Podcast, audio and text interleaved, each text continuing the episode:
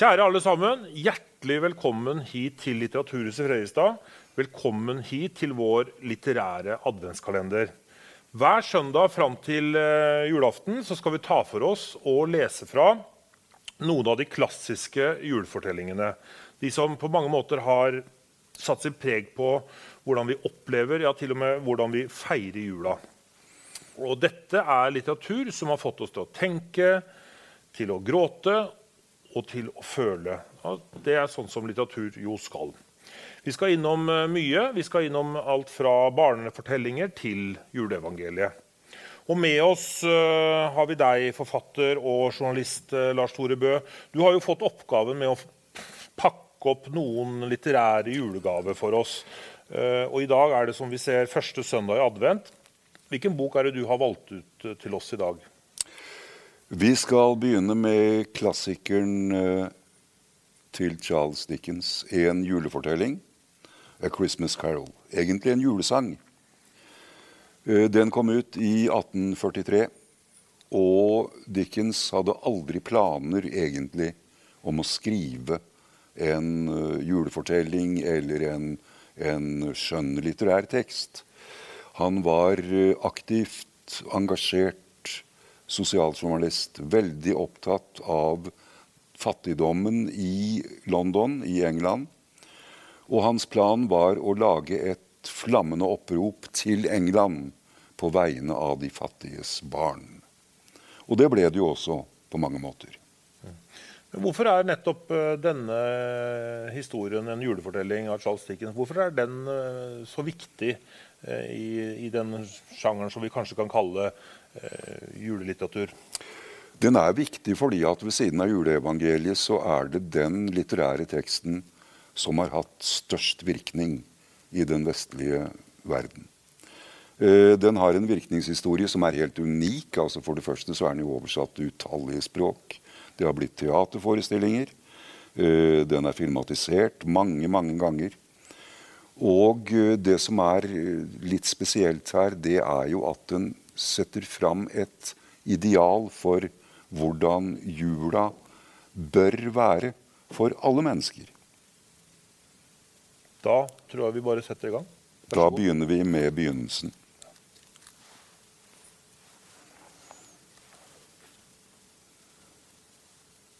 Marley var død. Det var ingen tvil om den saken. Begravelsesprotokollen ble undertegnet av presten, kontoristen og begravelsesagenten. Scrooge signerte den. Marley var død som en sild. Visste Scrooge at Marley var død? Selvsagt gjorde han det. Scrooge og Marley hadde vært kompanjonger i uminnelige tider. Scrooge var hans eneste testamentfullbyrder, hans eneste venn og den eneste som sørget over ham. Marley var utvilsomt død. Men Scrooge strøk ikke ut Marleys navn på firmaskiltet. I flere år etterpå sto det der ennå, over døra til pakkhuset. Scrooge og Marley. Firmaet var kjent som Scrooge og Marley. Folk som ikke kjente firmaet fra før, kalte av og til Scrooge for Scrooge og av og til for Marley.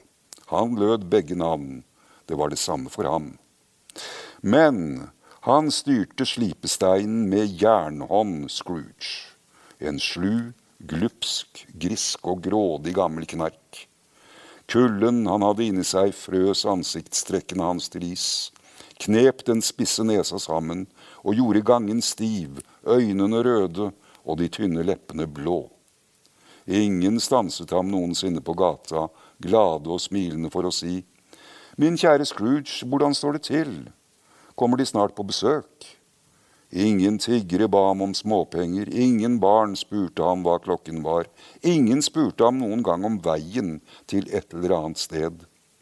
Selv førerhundene lot til å kjenne ham, og når de så ham komme, dro de sine blinde eiere inn i portrommene og logret deretter som om de sa, det er bedre med ingen øyne enn med det onde øyne.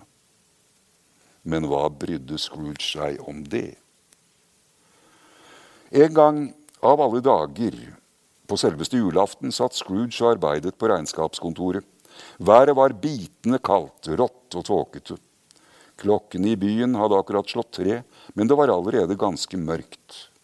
Døra til Scrooges bokholderi sto åpen, så han kunne holde øye med kontoristen, Bob Cratchit, som satt og kopierte brev i en nitrist liten bås ved siden av. Scrooge fyrtes ytterst sparsomt inne hos seg selv, men på kontoristens rom var flammen så liten at det så ut til å bare å være et kullstykke. Og han kunne ikke fylle på, for Scrooge voktet over kullkassa på kontoret sitt. Og som kontoristen, for å hente kull, ville Scrooge garantert si noe om at nå fikk han sparken. Så kontoristen tullet seg inn i sitt hvite ullskjerf og prøvde å varme seg ved stearinlyset. Gledelig jul, onkel, og Gud bevare deg, ropte en munter stemme. Det var Scrooges nevø. Pøh, sa Scrooge. Humbug. Er julen humbug, onkel? Det kan du da ikke mene. Jo, sa Scrooge. Pokker ta gledelig jul. Hva er vel julen annet enn en tid med mange regninger og lite penger? Man oppdager at et år har gått, men man har ikke blitt en timelønn rikere. Så la meg slippe å bry meg med julen. Den bringer ikke noe godt og har aldri gjort det heller. Jeg har alltid sett på julen som en glad tid, svarte nevøen. En tid for omtanke, tilgivelse, gavemildhet og glede. Den eneste tiden i året da alle åpner sine stengte hjerter.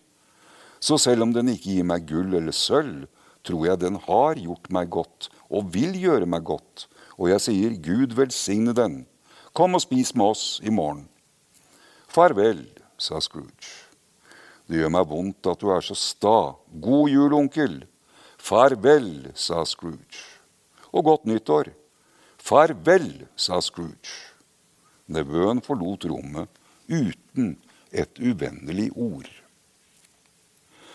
Scrooge inntok sin melankolske middag på sin melankolske stamkro, og etter å ha lest alle avisene og tilbrakt resten av kvelden med å se i bankboka si, gikk han hjem for å legge seg.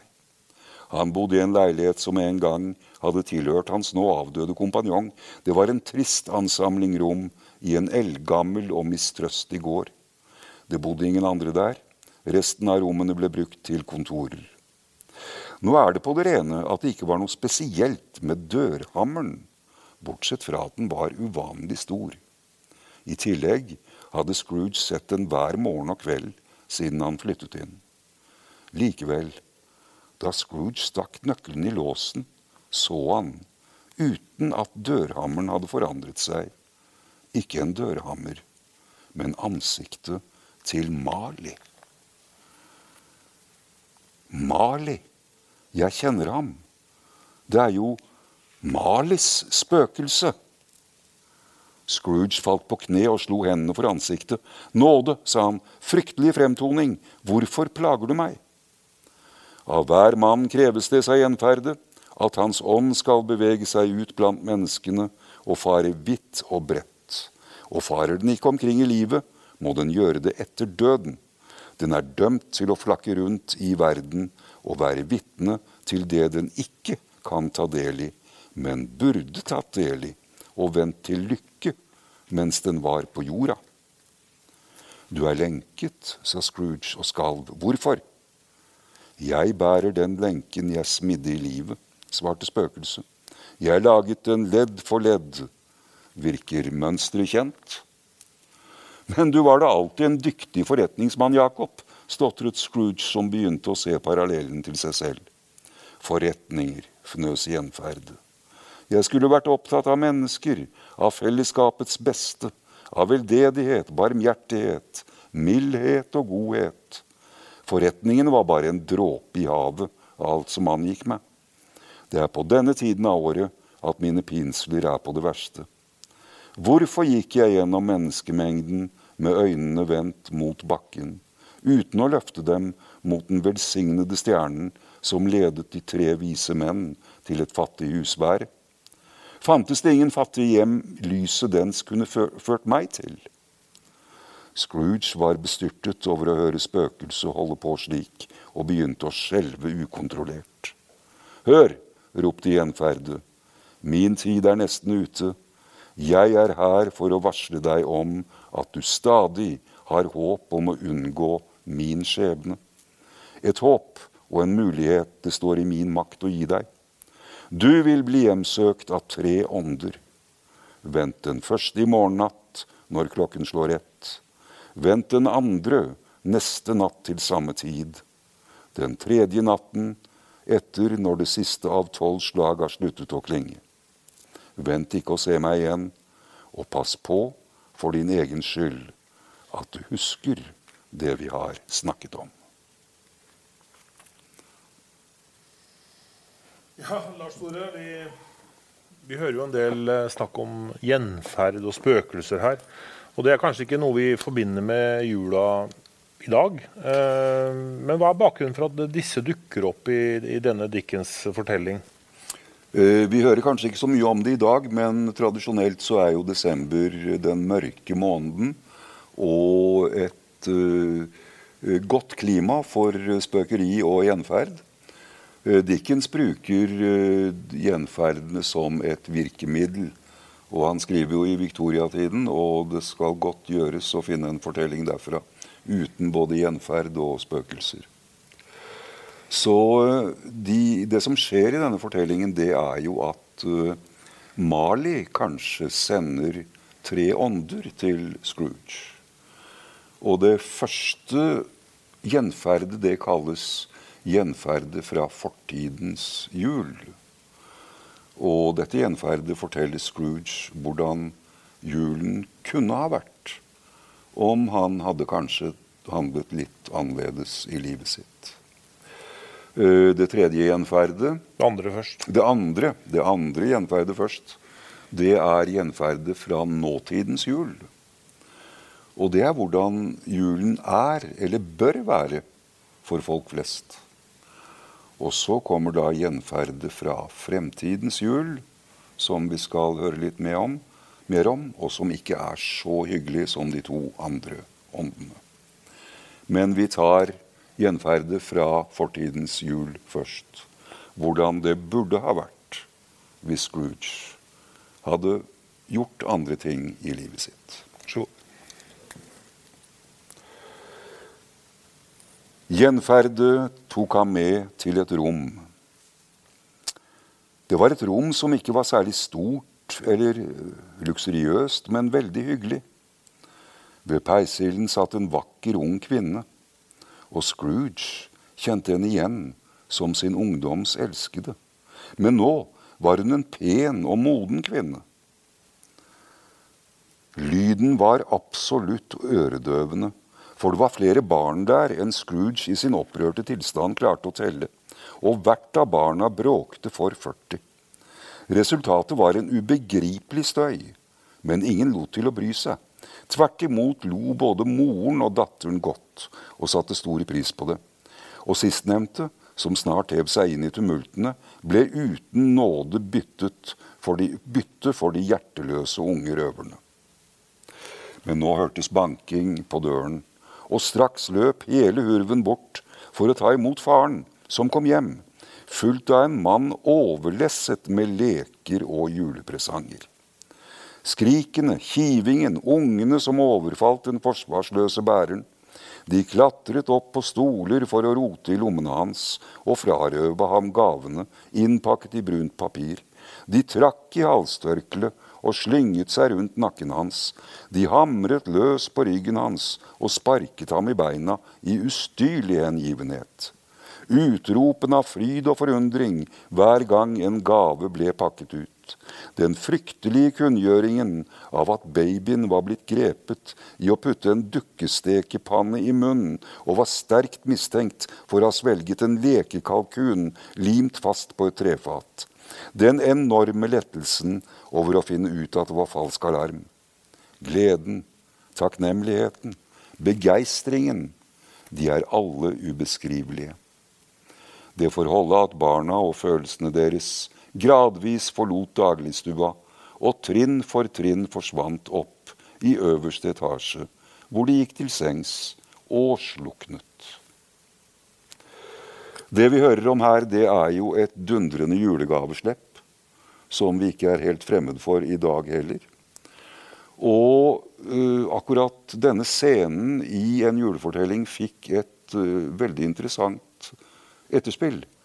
For uh, da begynte den industrielle produksjonen av leketøy i England.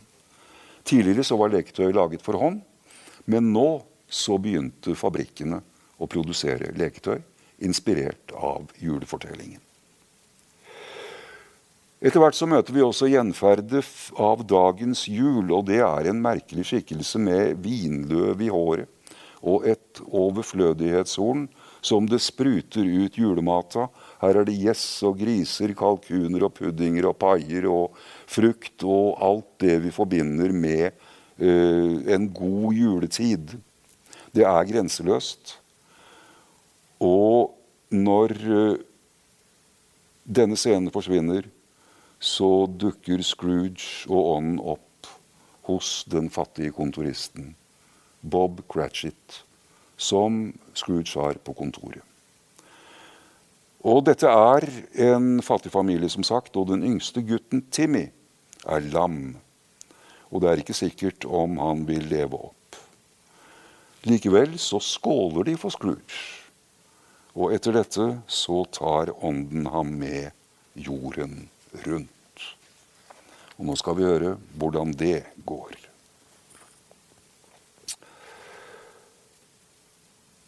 Umerkelig hadde Scrooge kommet i lyst og lett humør. Men scenen led vekk, og han og ånden var atter ute på reise. Mye så de, langt for de, og mange hjem var de innom, men alltid endte det lykkelig. Ånden sto ved sykesenger, og de var glade. I fremmede land, og de var nesten hjemme. Ved menn som slet, og de ventet tålmodig i et høyere håp. Ved fattigdom, og den var rik. Fattighus, sykehus, fengsler. Ånden velsignet alle elendighetens avkroker hvor han ikke var utestengt. Og han lærte Scrooge sine bud. Unnskyld meg, sa Scrooge da de sto ute på en åpen plass. Men jeg ser noe merkelig stikke ut fra kappen din. Det er en fot eller en klo. Fram fra foldene i kappen tok ånden to barn, usle, ynkelige, skremmende, stygge og elendige. De satte seg på huk ved åndens føtter og klamret seg til plagget hans. Det var en gutt og en jente. Scrooge vek forferdet tilbake. Ånd, er de dine? var alt Scrooge klarte å si. De er menneskehetens, sa ånden. Gutten heter uvitenhet.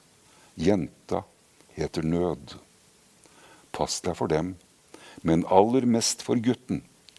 For i hans panne ser jeg skrevet det som blir undergangen, om ikke Skriften viskes ut. Har de ikke noe sted å gå? ropte Scrooge. Finnes det ingen fengsler vi kan putte dem i? Finnes det ingen fattighus? Klokken slo tolv. Scrooge så seg om etter ånden, men den var borte. Idet det siste slaget sluttet å klinge, husket han Marlies varsel og fikk øye på en høytidelig fremtoning med kappe og hette. Den gled mot ham som en tåke langs marken. Det var gjenferdet fra fremtidens jul. Nå kommer det siste gjenferdet, og det er langt fra så gemyttlig som de to foregående åndene. Scrooge tas med på kirkegården, der han får lov til å se sin egen grav, som ingen besøker og gjenferde, viser ham også Tims grav, hvis ikke noen gjør noe for den lamme Timmy. Men det skjer. Scrooge våkner opp, og gjenferdet fra fremtidens jul viser seg å være en sengestolpe. Og slik går det til slutt.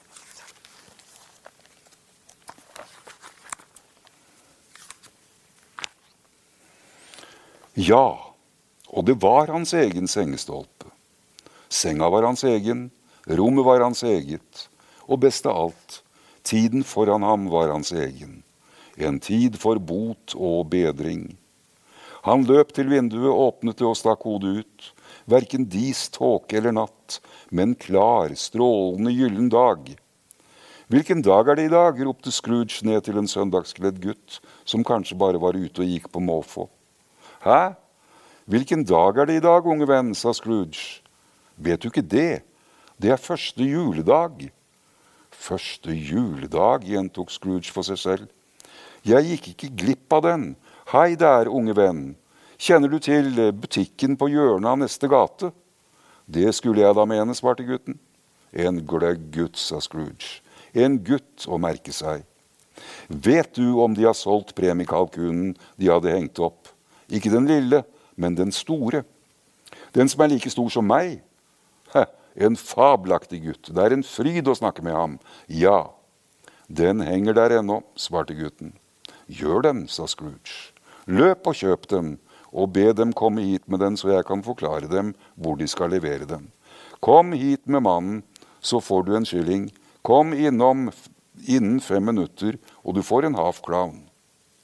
Gutten føk av sted som et skudd. Jeg sender den til Bob Cratchick, hvisket Scrooge. Han vil ikke vite hvem som har sendt den. Den er dobbelt så stor som lille Tim.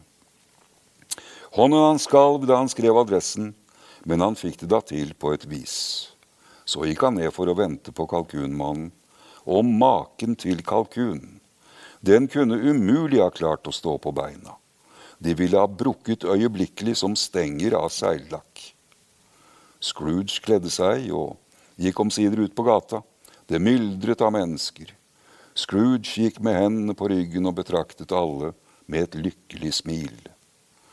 Om ettermiddagen styrte han sine skritt mot nevøens hus. Han gikk flere ganger forbi døra før han mannet seg opp til å banke på, men til slutt hoppet han i det. Er herren i huset hjemme, min kjære? sa Scrooge til piken. Ja, sir. Hvor er han, barnet mitt? I spisestua, sir, sammen med fruen. Han kjenner meg, sa Scrooge, som allerede hadde hånden på dørklinken inn til spisestua. Jeg går rett inn, Fred. Bevare meg, ropte Fred. Hvem er det? Det er meg, din onkel Scrooge. Jeg er kommet til middag. Slipper du meg inn, Fred? Slippe ham inn. Det var så vidt han ikke ristet armen av ham. Etter fem minutter følte han seg som hjemme.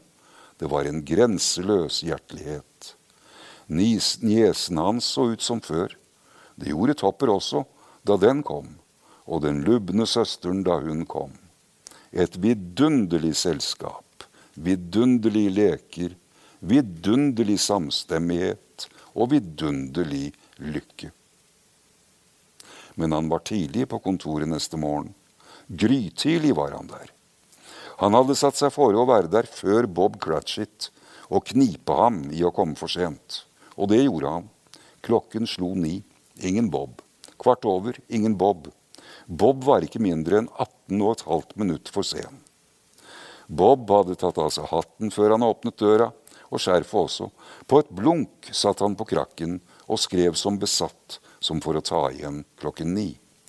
Hallo, gryntet Scrooge Scrooge og forsøkte å låte slik han hadde pleid å låte før. Hva er meningen med å dukke opp på denne tiden av døgnet? Unnskyld, sir, jeg vet at jeg er sen. Sen, gjentok Scrooge. Ja, du er visst det. Kom hit, er du snill. Det er bare én gang i året, sir, forsvarte Bob seg. Det skal ikke gjenta seg. Vi hadde det så hyggelig i går. Det var julaften. Hør her, min venn. Fra nå av vil jeg ikke finne meg i den slags. Og derfor, fortsatte Scrooge, gir jeg deg lønnspålegg. Bob skalv et øyeblikk og var inne på tanken om å løpe ut og rope på hjelp. Mannen måtte jo være gal. Gledelig jul, Bob, sa Scrooge med en oppriktighet som det var umulig å ta feil av, mens han klappet ham på ryggen. En gledeligere jul, Bob, min gode mann, enn jeg har gitt deg på mange år. Jeg vil gi deg lønnspålegg og gjøre mitt for å hjelpe den strevende familien din og i ettermiddag drøfter vi situasjonen din over et dampende krus julegløgg. Fyr opp i peisen og løp ut og kjøp mer kull før du setter prikken over neste i, Bob Cratchit. Scrooge var bedre enn sitt ord. Han holdt løftene og gjorde uendelig mye mer. For lille Timmy, som ikke døde, ble han som en far nummer to. Han ble den beste vennen, den beste sjefen og det beste mennesket den gode, gamle byen hadde sett. Noen lo av den plutselige forandringen, men selv lo han i sitt hjerte, og det var belønning god nok for ham. Han traff aldri ånden igjen, og det ble alltid sagt om ham at hvis det var noen som visste hvordan julen skulle feires, så var det han. La det i sannhet bli sagt om hver og en av oss.